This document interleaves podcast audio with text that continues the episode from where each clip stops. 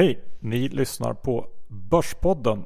Sveriges absolut största och tveklöst bästa podd inom börsen och ekonomi. Kaxigt!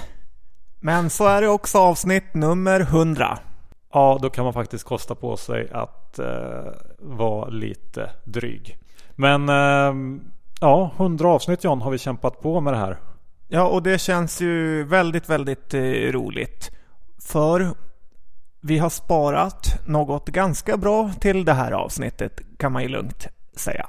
Det här avsnittet blir ju ett nytt sommarpoddaravsnitt. Ehm, vi har inte gjort någon specialgrej inför avsnitt 100. Och eh, jag tror vi får spara just firandet till något annat avsnitt. Kanske till avsnitt 104 som ju egentligen blir det riktiga jubileet, tvåårsjubileet som du påpekar här innan inspelning. Eh, vi får se. Någonting kul ska vi hitta på. Kanske en fest, kanske något annat. Ja, det kommer till hösten. Känns skönt hur du dissar 4020 som ändå ska få med i avsnitt 100 Johan. Kan du inte höja han lite istället? Absolut. 4020 har ju gjort eh, många intressanta grejer. Börsdata är ju en fantastisk skapelse som man har byggt upp på nästan egen hand eh, och kämpat med och han har många kloka tankar om investeringar. Det kommer vi få höra idag. Och han driver en av de största finansbloggarna här i Sverige. Så är det. Eh, innan vi kör igång intervjun med 4020 så har vi ju en liten hälsning från vår sponsor Tessin.se.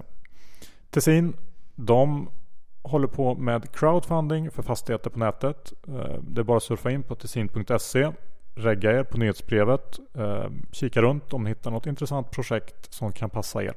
Och precis som vanligt så har vi snackat med gänget på Tessin den här veckan också.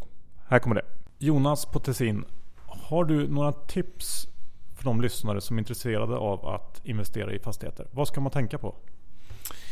Eh, det finns en ganska uttjatad eh, klyscha med location, location, location. Men det många missar är ju oftast, eh, man kan tänka sig location på olika nivåer menar, du har eh, en typ av fastighet i en viss ort, eh, en viss typ av riskprofil och en efterfrågan.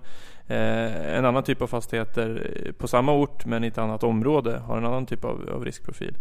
Så det gäller att verkligen sätta sig ner i de olika nivåerna. Så jag brukar tänka liksom location stad, location, område och sen location i förhållande till, till andra typer av, av fastigheter som ligger närliggande. Sådär John, eh, har du något mer att tillägga innan vi rullar igång den här eh, sommarpoddar-intervjun? Nej, men ta och signa upp er på Tessins nyhetsbrev för att lära er hur fastighetsinvestering fungerar. Ja, då kör vi. Här kommer 4020. Håll i hatten.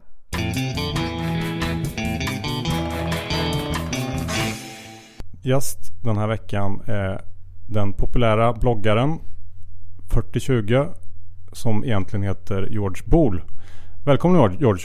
Mm, tack! Det är jättekul att vara på Börspodden. Härligt! Brukar du lyssna? Ja, det gör jag. Strålande. Um, John, jag tänker att uh, vi börjar med lite snabba frågor för att ja, komma in i matchen så här direkt. Ja, men det ska vi definitivt göra. Är du redo George, eller ska vi kalla dig 4020? Du kan kalla mig 4020. Alright. Vilken är bästa bloggen som finns på nätet? Och du får inte säga dig själv. Ja, det är Lundaluppen. Vilket är världens bästa bolag? Det är H&M. Är utdelningsinvestering för hett just nu? Ja, senaste fem åren, ja tyvärr. Hur mycket tar du i bänkpress egentligen? Under 100 i alla fall. Delat i två eller? Nej. Under 100. Vilken är den sämsta investering du gjort? Eh, Nokia. Okej, okay. ja. Vilken är den bästa då? Och du får inte säga din fru. För hon lyssnar ändå inte. Eh, det är faktiskt H&M faktiskt den bästa investeringen. Eh, och det beror på att det är en stor andel i bolaget. I portföljen. Kanske inte procentuellt men i stort sett är den bästa. Kommer du från under, medel eller överklassen? Mm. Eh, under, medel under, något sånt. Stämmer det att du har sagt att du är en levande legend? Eh, nej. Och slutligen den vi alltid ställer. Hur eh, rik är du? Eh, inte tillräckligt. Tack för det George, eller 4020. Snabba svar där, precis som vi efterfrågade. Men om vi börjar från början då. Vad, vad är din bakgrund egentligen? Vad, vad kommer du ifrån och ja, vad har du gjort? Ja, min, min, min bakgrund är ju inom fastighetsbranschen. Eh, ja, jag har ett titel som heter eh, utredningsingenjör. Det som, låter fint. Men det ser inte så mycket utan jobbar mestadels med projekt. Eh, ombygg och eh, förvaltning. Eh, fastighetsbolag. Du kommer från Östergötland någonstans? Stämmer. Eh, bor utanför Norrköping. Alright. Eh, har du pluggat något innan du gick på det du gör nu? Eh, jag pluggade faktiskt i både Lund och Malmö. I fastighetsutbildning. Okej, och det här med aktier då? Hur kom du in på det? Ja, det, det startade faktiskt i, som allt annat i bubblor. Och det började 99-98 eh, i gymnasiet. Då träffade jag ett gäng som eh, var aktiva inom Unga Aktiesparare. Eh, och då fick jag intresset. Eh, och på den tiden så eh, teknisk analys och trading var ju rätt så populär. Jag kommer ihåg ett tillfälle man, man liksom eh, gick på en seminarium där eh, Ingmar Karlsson den eh, legenden inom eh, Tendens hette företaget tror jag. Liksom, man satt och lyssnade på hans eh, diagram och analyser och det var ju rätt häftigt. Och då frågade man vad, vad var skillnaden mellan teknisk och fundamental analys? Och då fick man höra att ja, fundamental det är ingen som sysslar med utan det är tekniskt som gäller. Och det var ju den attityden på den tiden. Eh, och det är ju idag också kanske för de flesta. Eh, tyvärr så fick man ju inte veta vad, vad Buffett och Graham var ju på den tiden. Utan man, man, det är väldigt enkelt som ung som eh, om man kan väldigt lite. Eh, oavsett om, om hur man kommer in i aktier så att det är väldigt lätt att man hamnar i trading eller eh, teknisk analys är det som är populär. Ja, så är det nog. Jag och Johan har inte kommit ur det än heller. Men vad eh, kommer du ihåg din första aktieaffär du gjorde på den gamla goda? Eh, det var inte Framfab i alla fall utan det var något bolag som hette Drax. Eh, Jag kommer faktiskt inte ihåg vad de gjorde men den, den gick upp kraftigt. Eh, sen gick den ner sen efter ett länge. Men på den tiden var man ju inte långsiktigt utan man bara köpte och sålde hela tiden. Okej, ja, det låter lite som, som eh, Per och Börjessons eh, story här att han börjar på samma sätt. Men, men eh, okej, du körde det här lite i början. Vad hände sen då som fick dig att ändra bana? No, eller jag var fast i banan väldigt länge kan jag säga. Jag, jag var väldigt seriös med det. Så, så faktiskt kommer jag ihåg ett tillfälle där, där jag gick till ett bolag som hette Börsinsikt. Och då tänkte jag nu ska jag satsa riktigt seriöst på det här. Eh, och då, då fanns, de hade ett, ett eh, program som hette Market Station. De hade också andra program som hette eh, Trade Station och allt annat som var populära på den tiden. Eh, och då beställde man ju hem eh, en, eh, en, en slags parabol hem som man installerade och fick liksom via, via parabolen fick man ju börskurserna direkt till eh, datorn och då pratar vi om eh, 2000-talet och man hade ju inte snabba internetkopplingar på den tiden. Och det här var ju jättehäftigt. Eh, så att Ja, alltså man fastnar ju i den där mer och mer så att man, man eh, gick i området, läste mer och eh, försökte lära sig mer om systemutveckling. Idag kallar den för, för fint algoritmhandel. Eh, man försökte lära sig så mycket om eh, riskhantering, money management, positionssize och allt det där. Eh, så det, det, det, man lärde sig av den är att psykologi, investeringspsykologi är jätteviktigt. Och hur man ska kunna personligt hantera vinster och förluster. Det ena och att inte riskera förlora pengar. Men var du framgångsrik då? Det låter ju som att du hade en enorm fördel om du har livekurser när ingen annan har det. Eh, nej, det var jag inte. Det var jag inte. Det var, det var bara... Det, det, fanns ingen chans att jag skulle tjäna pengar. Utan det enda jag hade lärt mig på den tiden i början att man skulle ta stopp, stopp loss. Eh, väldigt snabbt. Det, det, det var, hände att jag liksom förlorade små pengar hela tiden åt gången. Kom aldrig tillbaka. Och sen pratade vi om en, en nedgående börstrend också. Som varade två år.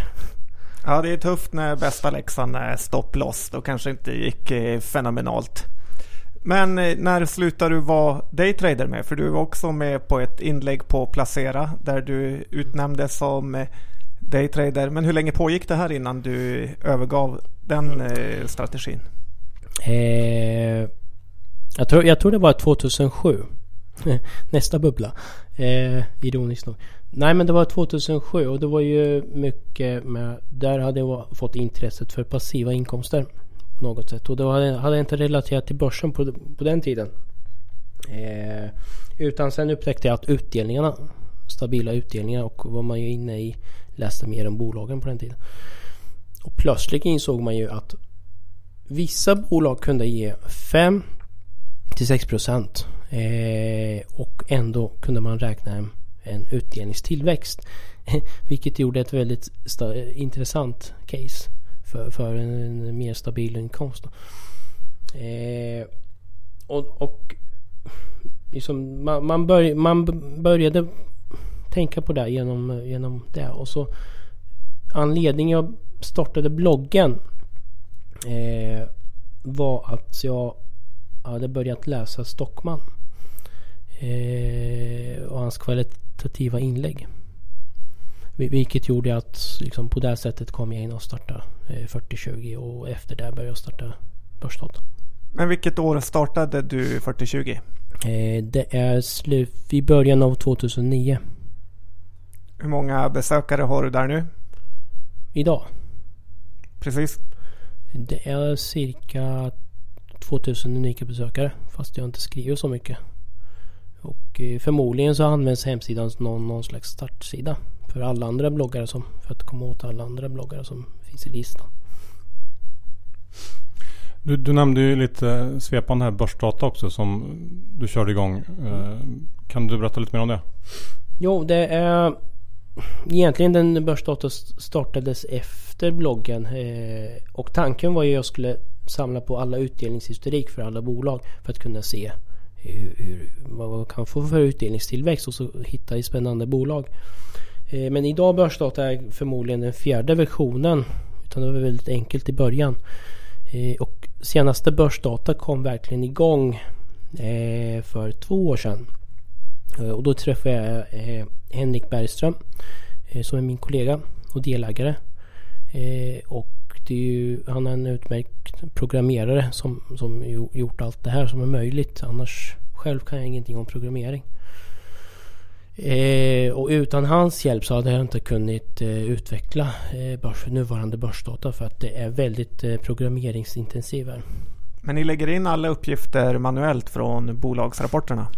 Ja, det, det stämmer helt manuellt ska jag inte säga för att det vad vi gör är att vi, vi transporterar eller vi, vi, vi exporterar allt data från eh, delårsrapporter, årsredovisningar, bokslut och lägger in och sen jag, jag går in och dubbelkollar så att allting stämmer.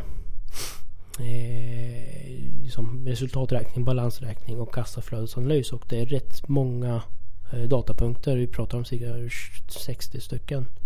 Eh, och det är anledningen att vi hinner göra det så snabbt är att vi har eh, gjort uppdatering väldigt effektivt. Och det har tagit väldigt lång tid att göra det. Alright, och du har något erbjudande till våra lyssnare nu när vi ändå pratar om det? Ja, jag, jag tänkte ni, ni, som lyssnar på podden får gärna testa eh, Börsdata en, en hel vecka helt gratis. Och hur gör man då? Eh, man skapar ett konto Eh, och efter att man har skapat konto så finns det på min sida finns det en, eh, en ruta längst ner som man kan skriva eh, en, en eh, aktiveringskod och där kan ni skriva podden. Så får ni en hel vecka gratis. Perfekt. Vi, vi kommer att twittra ut här också så att ni eh, kommer ihåg det. Men då har du, hur, hur många bolag eh, har du data på, på Börsdata?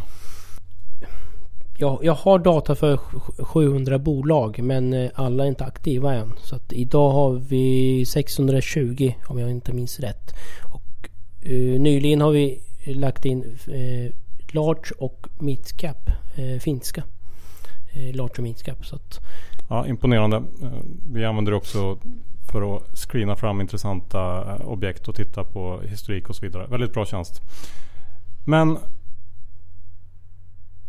om vi går vidare då i historien. Du startar bloggen, eh, Börsdata kom igång också. Och hur, har den här utvecklingen sett ut sista åren?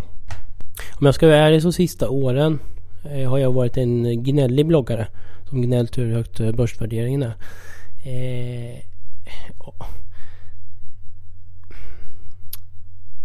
och om, om jag ska vara ärlig så jag, jag tycker inte man, man, man ska eh, köpa i dagens värderingar. Eh, eftersom det enda man får en kanske man... man kan det vara 5, 7 kanske?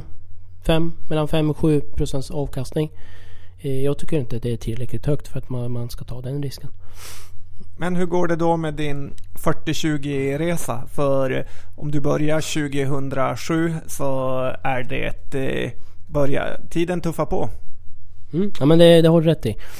Eh, jag har lite räknat då och då lite slarvigt men det ligger antagligen runt 12 procent direktavkastning då. Eh, och det var 40-20 innebär att man får 40 avkastning om, om 20 år. Och jag ligger på 12. Och det, det smartaste att göra där är att jag är ganska hög eh, likvid i, i portföljen. Eh, och jag tycker inte man, man ska eh, man ska bara sitta där och, och hoppas. Alltså, jag, jag är en sån person som gillar att ha ganska hög kassa och jag gillar när, när, när allting är lågvärderat gå in och köpa. Öka på. Och ta exempelvis det senaste köpet som jag gjorde, som jag skrev också om ekonomen. Eh, liksom, när, när den föll kraftigt till 150 och de var ju så lågvärderat och riskerna såg, såg ju väldigt lite också. Eh, tanke på vilken kassaflöde bolaget hade. Och det är ju, det är ju sådana investeringar som jag älskar. Men då måste du vara extremt uthållig och sitta och fylla på kassan månad efter månad utan att trycka på köpknappen. Mm, ja men det är ju det är därför jag kallar för mig för uh, Sveriges tråkigaste investerare. Eh, och jag, jag måste vara ärlig, senaste två åren har, har jag inte gjort så mycket. Men är du inte bitter då att du har missat uh, uppgången? Alltså jag har inte missat hela uppgången utan jag har varit med ganska stor del med ganska många bolag. Men det är ju sista tiden som jag har eh, avknoppat en hel del. Eh. Vad, är det som gör att du tycker att allting är dyrt då? Ja, alltså det är ju, ta, ta exempelvis eh, om vi skulle kunna ta några, några siffror. Det är många som jämför eh, börsen med 2000. Och då var P-talet bara 30, 40, no någonting sånt. Och idag är P, P är 17 brukar jag säga. Men det, det där är börs PL eh, och eller snittberäkning eh, känns ju inte helt korrekt. Om, om, man skulle ta riktiga värderingar och ta bolagsvis. Eh, eftersom det, det är ju bara uppvärderingen under IT och det är ju bara i princip IT-bolag. Alla dessa tråkiga bolag var ju, var ju knappast det är ju löjligt lågt värderade. Och ta exempelvis här Piap eh, under 2000 värderades för P3. Idag värderas den 20. Holmen värderades till 7. Idag 27. Kabe värderas till 6. Eh, idag värderas det, eh, dubbel, mer än dubbelt 14. Skanska värderas till 7 och idag värderas den 22. Alltså, den, den genomsnittliga värderingen på de, på de här mest tråkigaste, stabilaste bolagen var, har gått upp nästan tre gånger. Direktavkastningen har gått upp två gånger.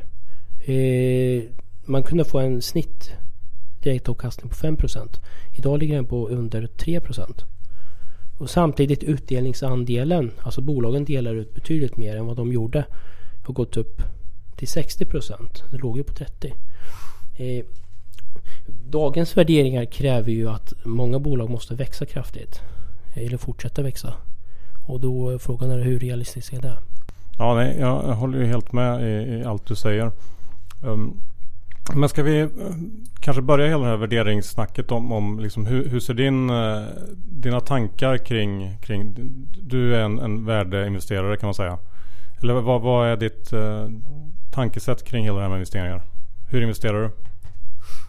Eh, om, om jag tar lite snabbt utdelningarna då. Hur, hur jag tänker där. Eller hur jag utvecklar. Det är att eh, det viktigaste med ut, utdelning är att man, man jobbar med återinvestering. Absolut det viktigaste. Eh, om man skulle kunna säga att man lyckas få en 4% direkt avkastning.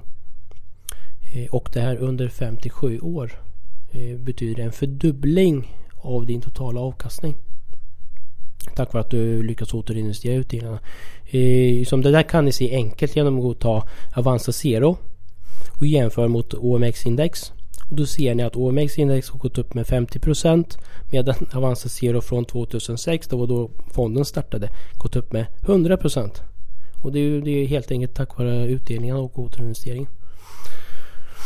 Eh, och det, det, är ju, det är ju det ena som är viktigt. Eh, det andra som är viktigt när man köper är att man, man, man ska försöka få så hög direktavkastning som möjligt. Eh, vi, kan ge ett jättebra exempel. Ta de tre, en av de tre största utdelningsgiganterna i USA. Och dessa hade under en, en period av 17 år dessa hade en utdelningstillväxt mellan 12 till 14 procent årligen. Det är fantastiskt.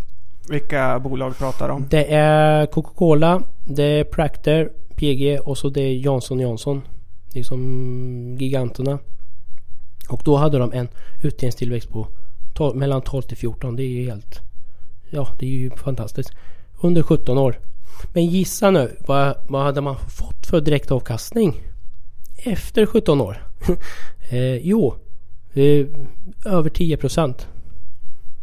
Och anledningen är att man, man, när man köpte det här då, då hade man en värdering så pass hög värdering att man fick en direktavkastning på 0,5% och 1%. Eh, och det är det som är eh, tillväxten är ju inte bara det utan det viktiga är vilken direktavkastning, värdering man köper till. Om, om vi skulle ta en, en riktig, riktig exempel. Axfood. 2009 så hade Axfood en direktavkastning på 7%. Eh, och det var ju en eh, efter split då, som gjordes nyligen. Eh, och det motsvarar eh, 2,5 kronor i utdelning. Idag delar Axfood 4,25. Eh, det betyder att idag får man 12 procent direktavkastning på Axfood. Det, det som köptes 2009. Om man det är ju helt fantastiskt. 12 procent under fem år. Om man tänker, okej okay, det är direkt avkastning 3,3 procent. Idag, Axfood då. Eh, om man nu tänker med tanken att man, man, man säljer Axfood och byter den mot ett bolag som har 5% direktavkastning. Ja, då ökar gilden till 20 Och då pratar du om, om liksom gilden på den initiala investeringen då? Exakt. Eh, man, man, brukar säga slarvigt också yield on cost. Eh, för, vi som är utdelningsinvesterare. och liksom att få 20% efter fem år det är ju, det är ju inte många bolag som klarar utan det är som Betsson kanske är en av dem som har lyckats få fantastiskt. Men, eh, men det, det är jämförelsen där. 17 år i USA för 10% och 20 procent. Fem år i Maxwood i Sverige. Men kan du inte bara göra det igen då med dina pengar? Att du köper lite Johnson Johnson och lite Axfood så är du på god väg att nå dina 40-20 mål.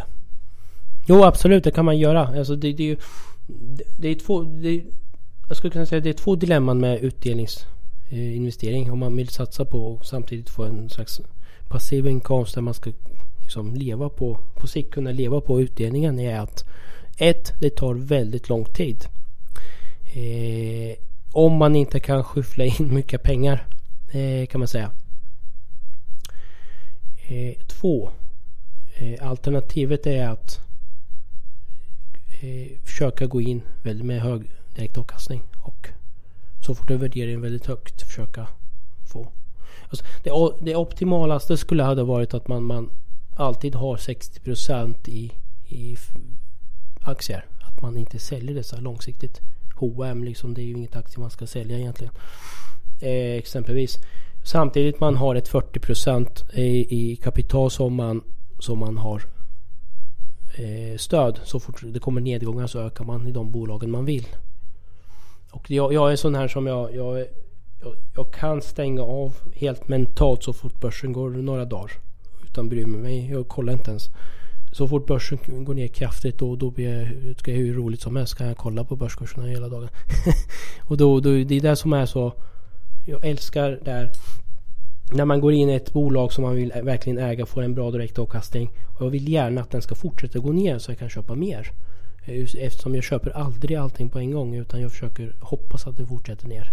Oftast gör det inte det men när det gör så får man ju flera köp. Vilket gör ett riktigt bra snitt. Ja, men det låter som en eh, smart utdelningsinvesterare.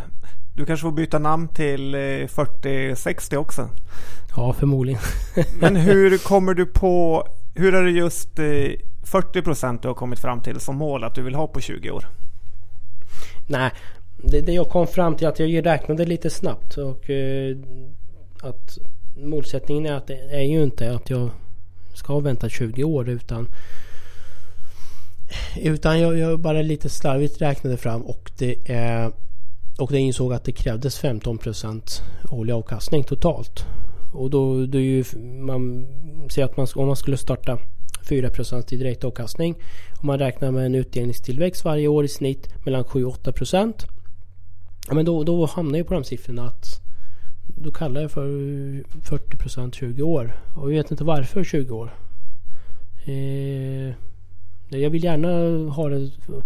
Min egen målsättning om jag ska vara ärlig så om fem år så förhoppningsvis kunna leva eller att utdelningen täcker en större del av kostnaderna.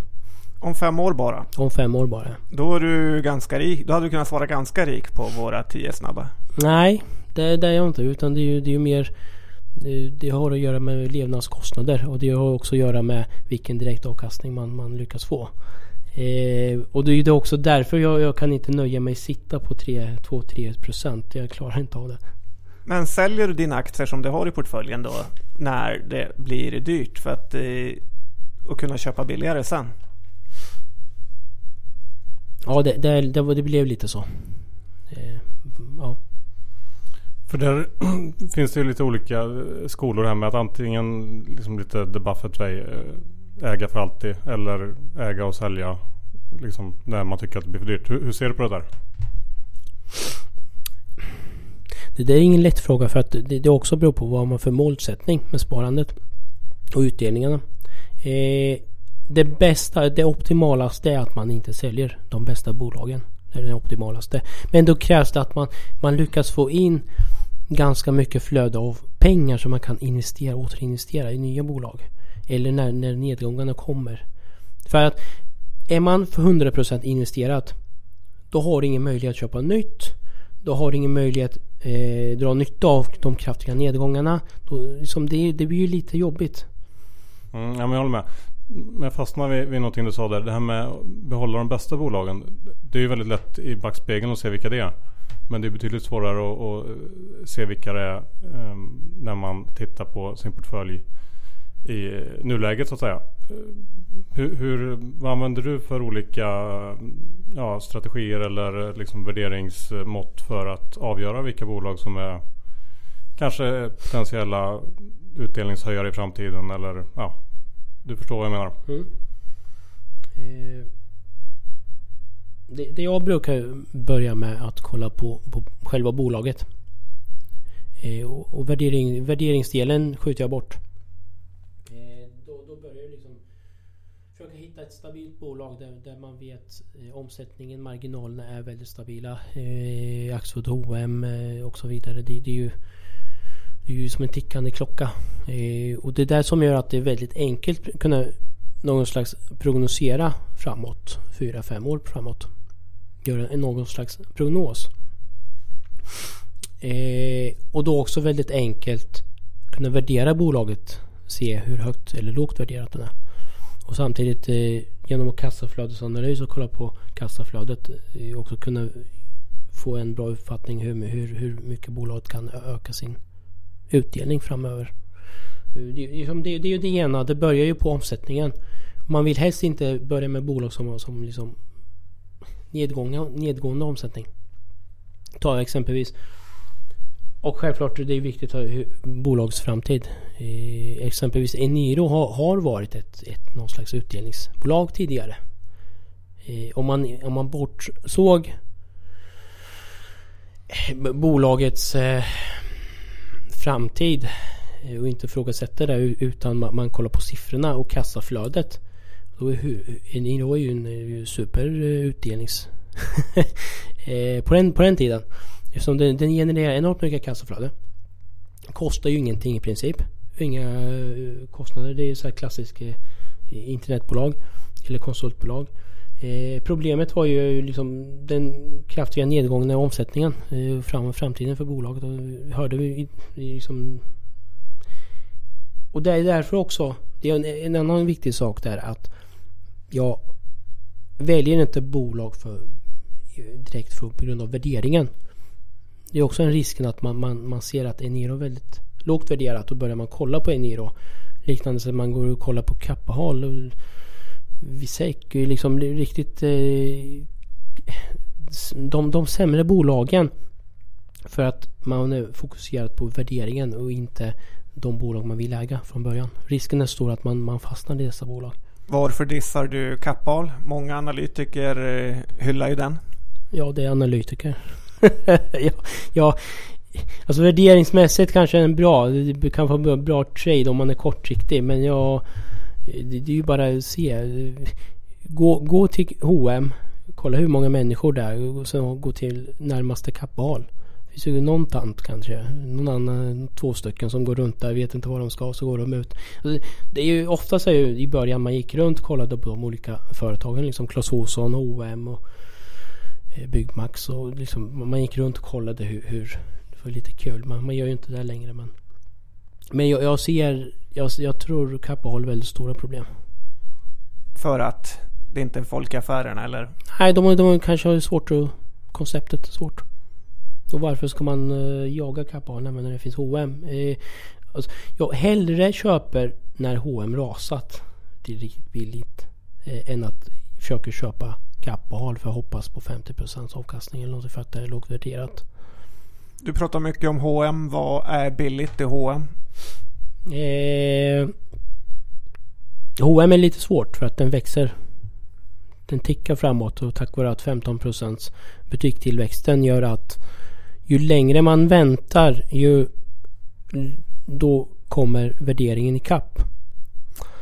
Eh, jag skulle kunna säga så fort den är under 300 så man kanske börjar köpa. Eh, 280 260 kanon. Utmärkt. 250 all in. Ja. Hur kommer det sig att du inte jobbar i den riktiga finansbranschen? Eh, det var också en bra fråga.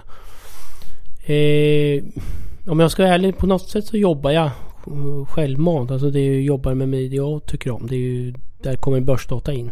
Utan jag jobbar ju på mitt eget sätt. Jag har fått lite erbjudanden om analys. Eh, men eh, det, det, det jobbiga är att det är en säljande bransch. Och där kvaliteten är ju inte det viktigaste utan det är ju vad man säljer. Det som har gjort att jag har inte eh, försökt mig. Vad är det bästa erbjudandet du fått? Ja, nej, det kan jag inte säga. Var det så bra? Nej, det var inte så bra. För att inte lämna din blogg helt här, vilket är ditt bästa inlägg du är mest eh, nöjd med? Eh, om jag ska vara ärlig, det, en av de bästa inläggen är eh, eh som tog mig nästan en hel månad faktiskt. Av research. Eh, och, och inköp av två helt nya böcker.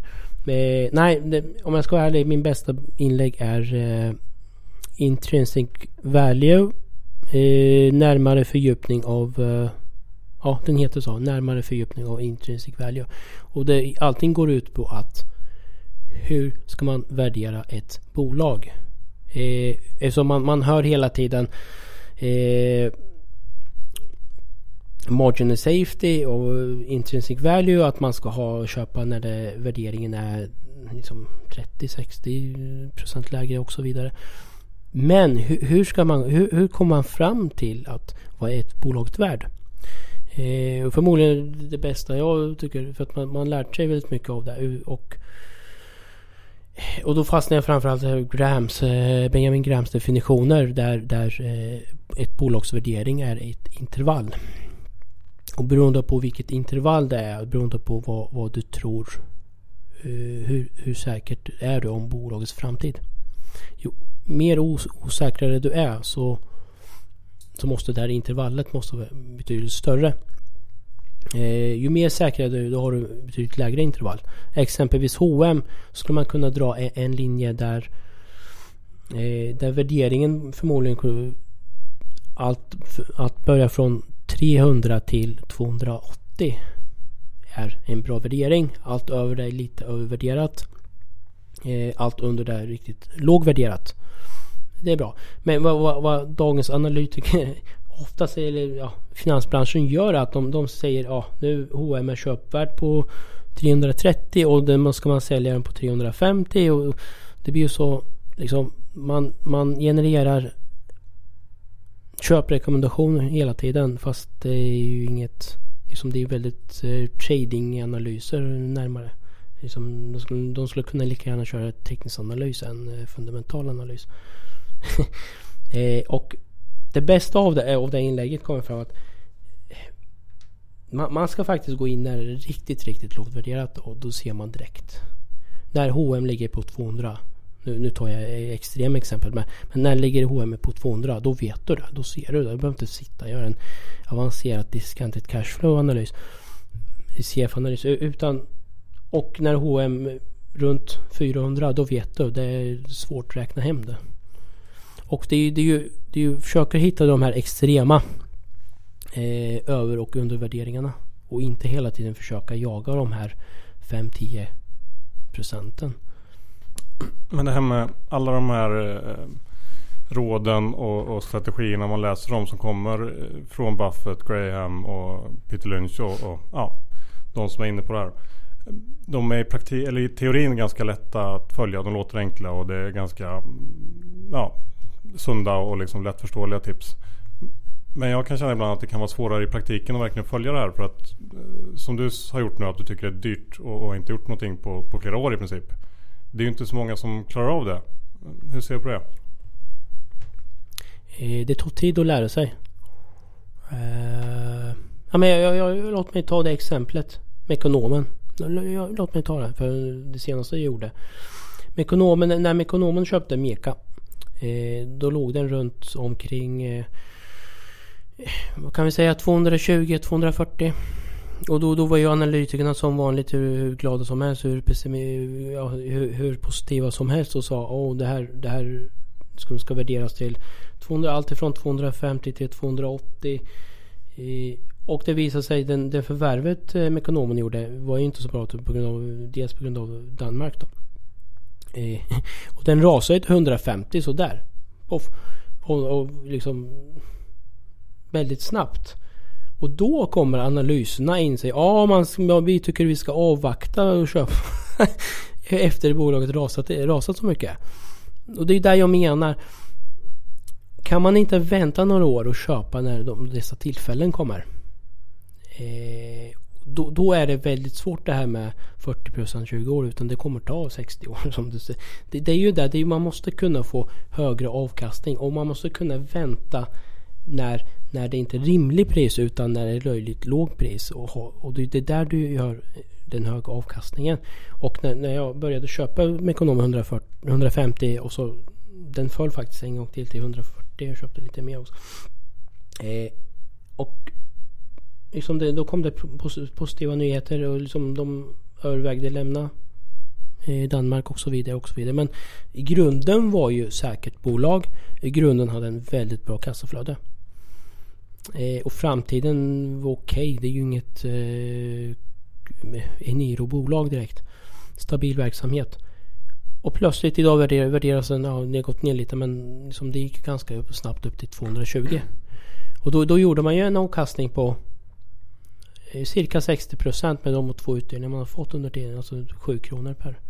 Det är, det är ju liksom då, då, skulle jag kunna tänka mig faktiskt kunna stanna i Mekonom längre fram få de här för att då fick man ju en eh, en direkt avkastning på 6%. Då, då skulle man kunna stanna längre, längre tid men då valde jag Alright, eh, Mekonomen och H&M är några av dina favoriter. Men du har också skrivit på din blogg att du inte gillar banker eller försäkringsbolag. Ja, jag, jag ska inte säga att jag inte gillar men jag, jag, jag har svårt att värdera dem. Så därför har jag hållit mig undan. Eh, det, det, är ju framförallt finansiella, finansiella bolag. Eh, det är fastigheter, investmentbolag, banker och eh, lite försäkringsbolag. Där eh, min värdering baserar på kassaflödet. Eh, jag brukar alltid när jag öppnar rapporterna börja gå direkt kolla på kassaflödet. Eh, hur, hur siffrorna ser ut.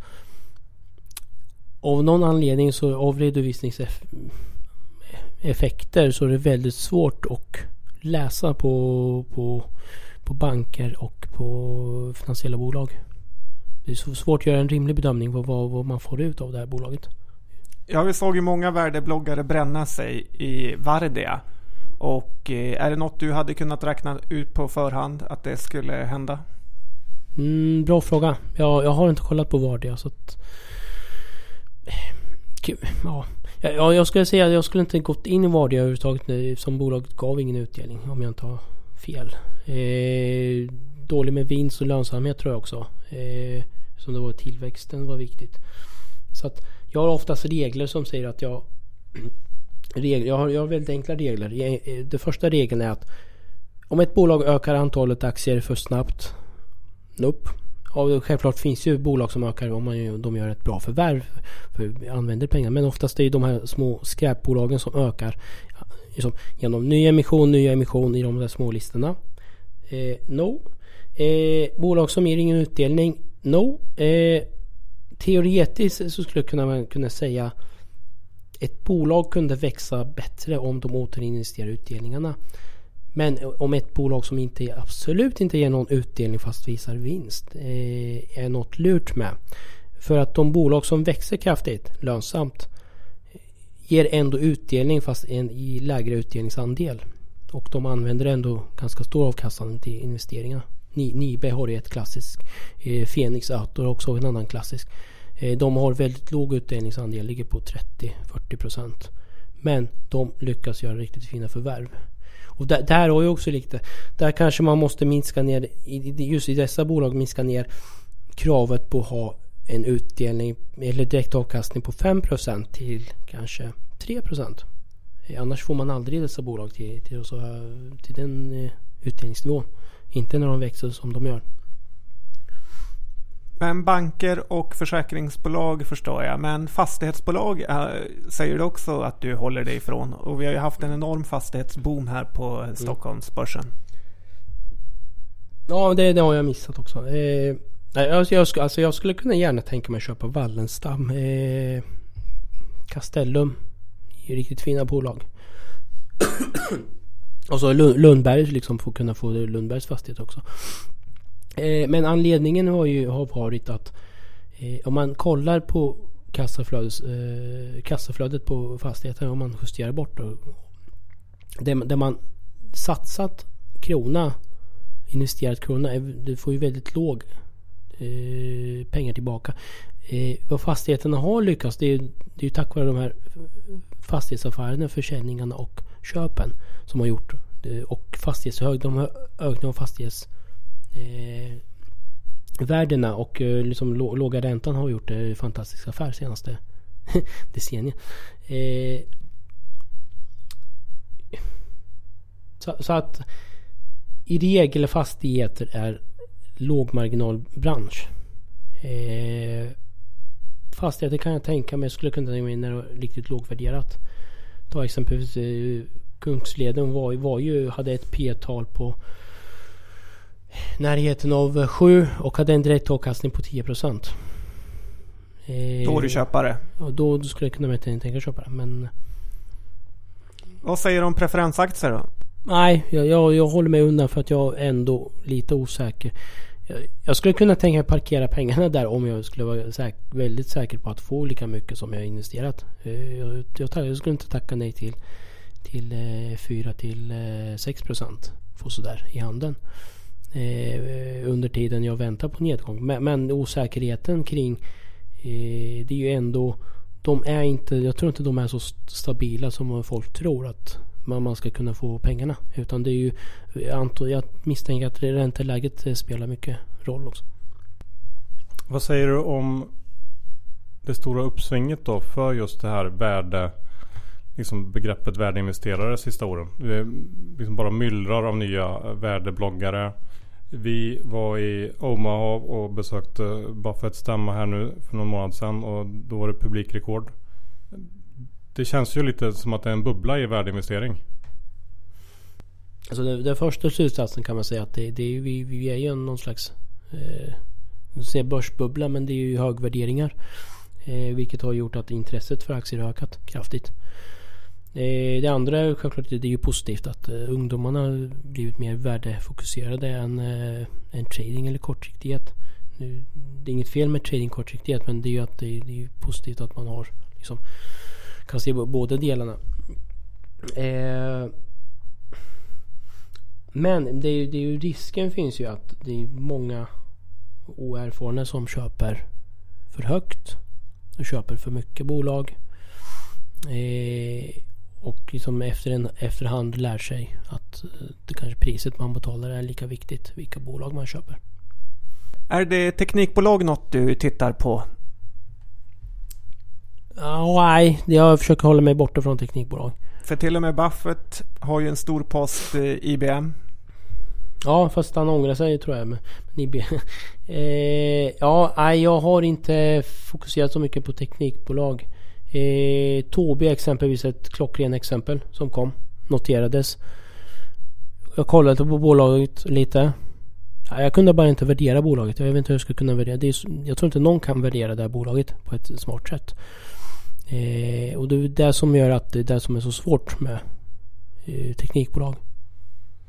Ja, så är det. Men eh, ska vi titta på ett bolag som inte är teknikbolag som hette Skånemöllan. Jag har eh, trakasserat dig lite i podden för ditt eh, håsande av Skånemöllan. Kan du berätta lite om det bolaget? Eh, I grunden är det väldigt bra stabilt i, i, i framförallt kassaflöde. Eh, låga investeringsbehov.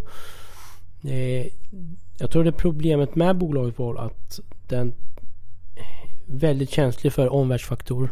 Som vi såg eh, under några år där.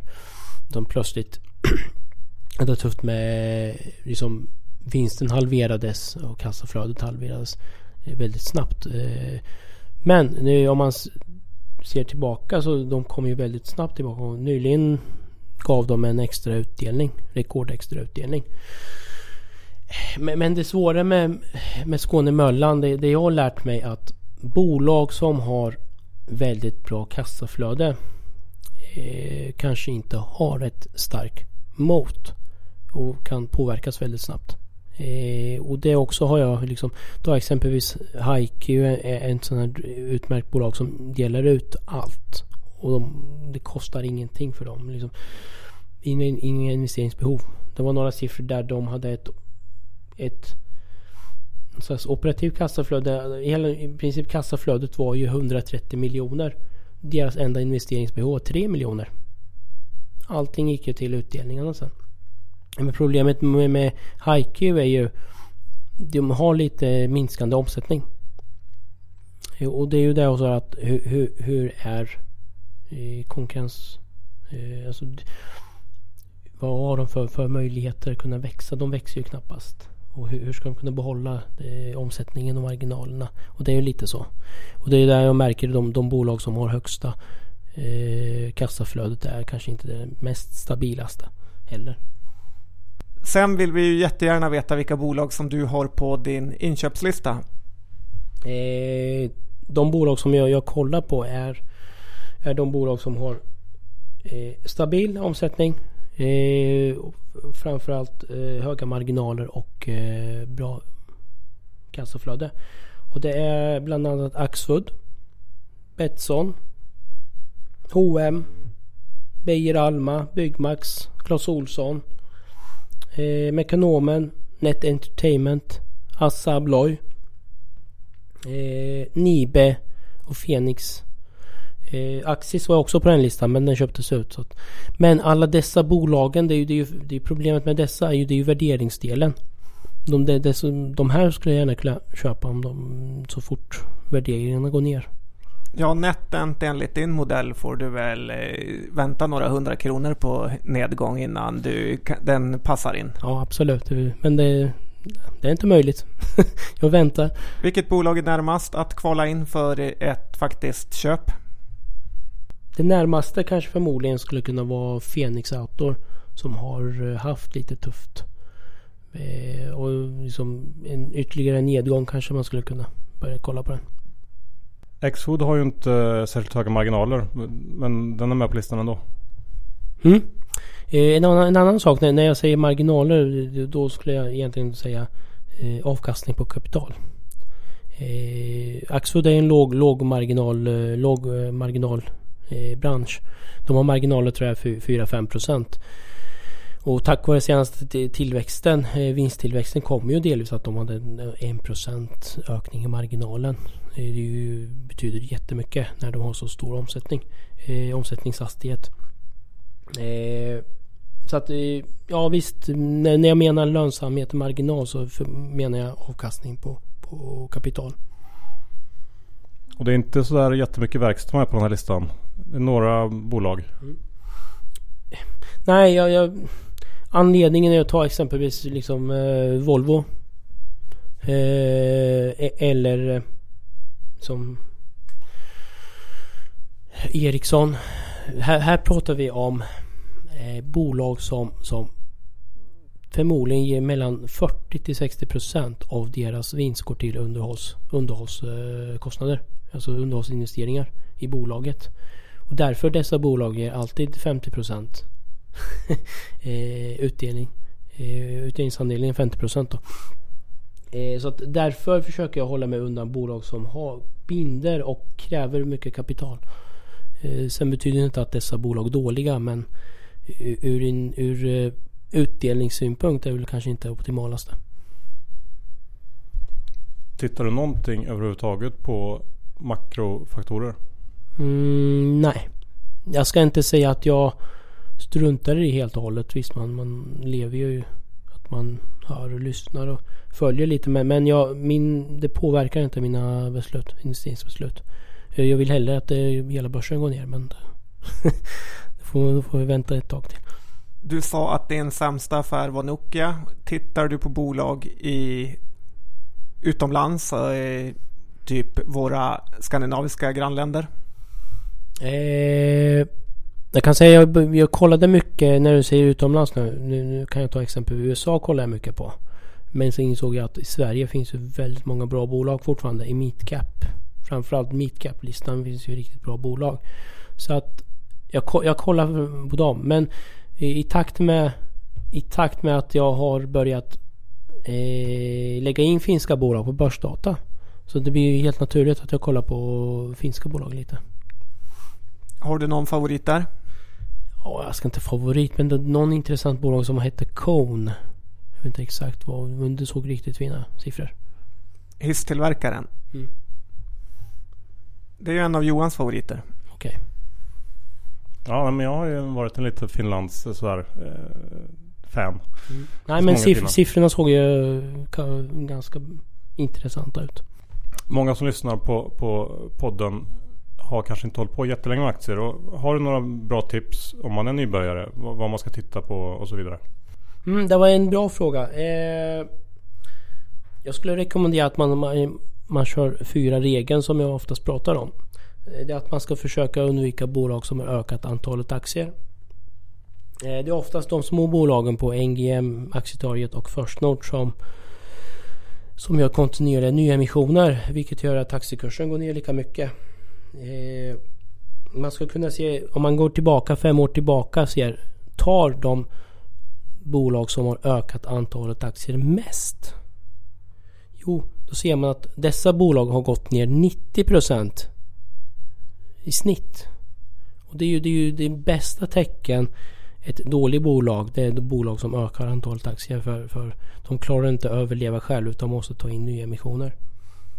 Så undvik bolag med som ökar antalet aktier. Eh, det andra är att satsa på bolag som har utdelning. Eh, och det är, ju, det är ju självklart det bästa tecken, eh, ett sunt bolag.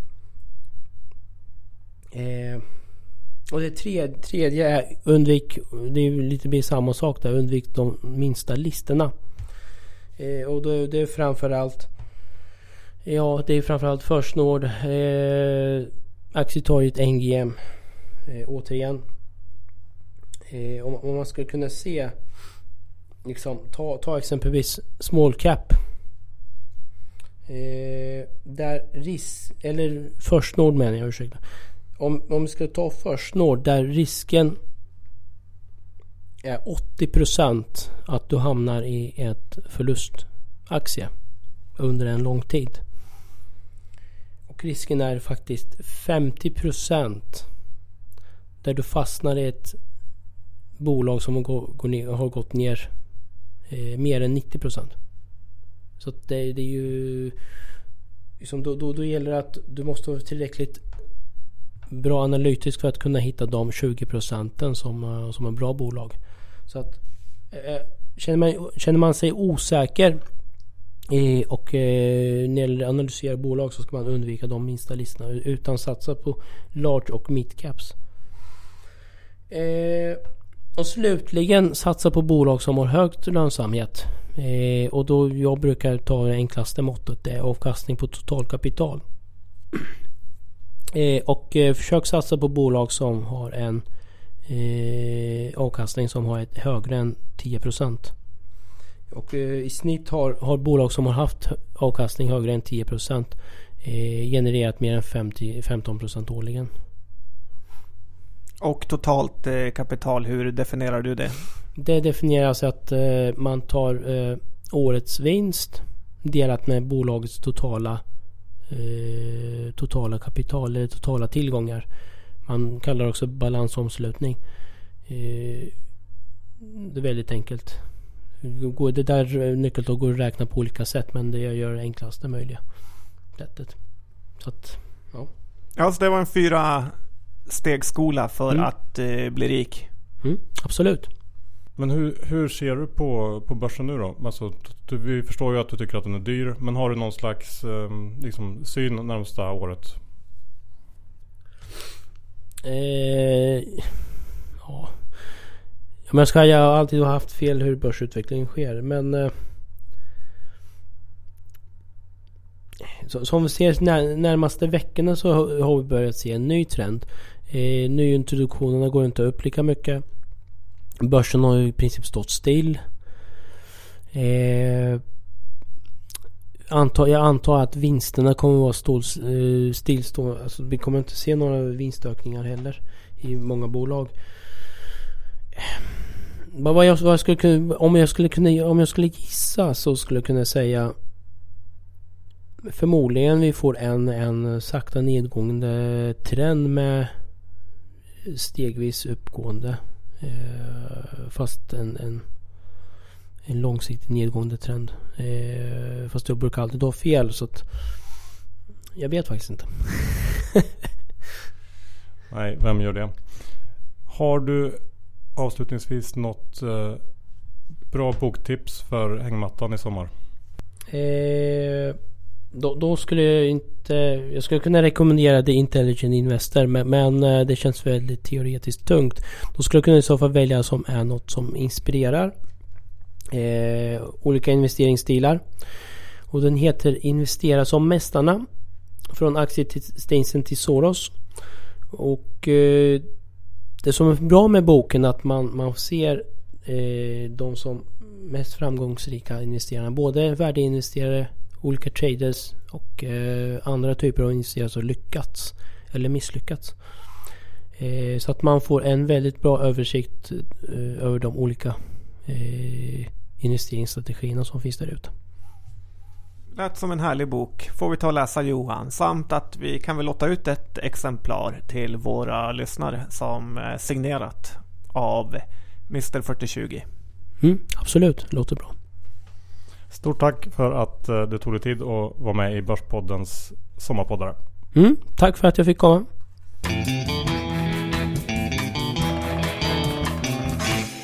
Ja John, härlig kille den där 4020. Ja, verkligen. George eh, levererar storartat. Inte konstigt att han har lyckats dra igång en av Sveriges största finanssidor på helt egen hand. Nej, verkligen inte. Missa inte att kolla in vår sponsor tessin.se. Anmäl er på nyhetsbrevet så blir alla glada. Och såklart, missa inte Fondpodden. Sveriges näst bästa podd. Kanske bästa, beror på hur man ser det. Nej, näst bästa. Ja. Förutom det så har vi inte så mycket mer att säga eftersom vi inte pratar om några aktier eh, själva i det här avsnittet så har vi inga disclaimers. Och vill ni oss någonting så kan ni mejla på börspodden gmail.com.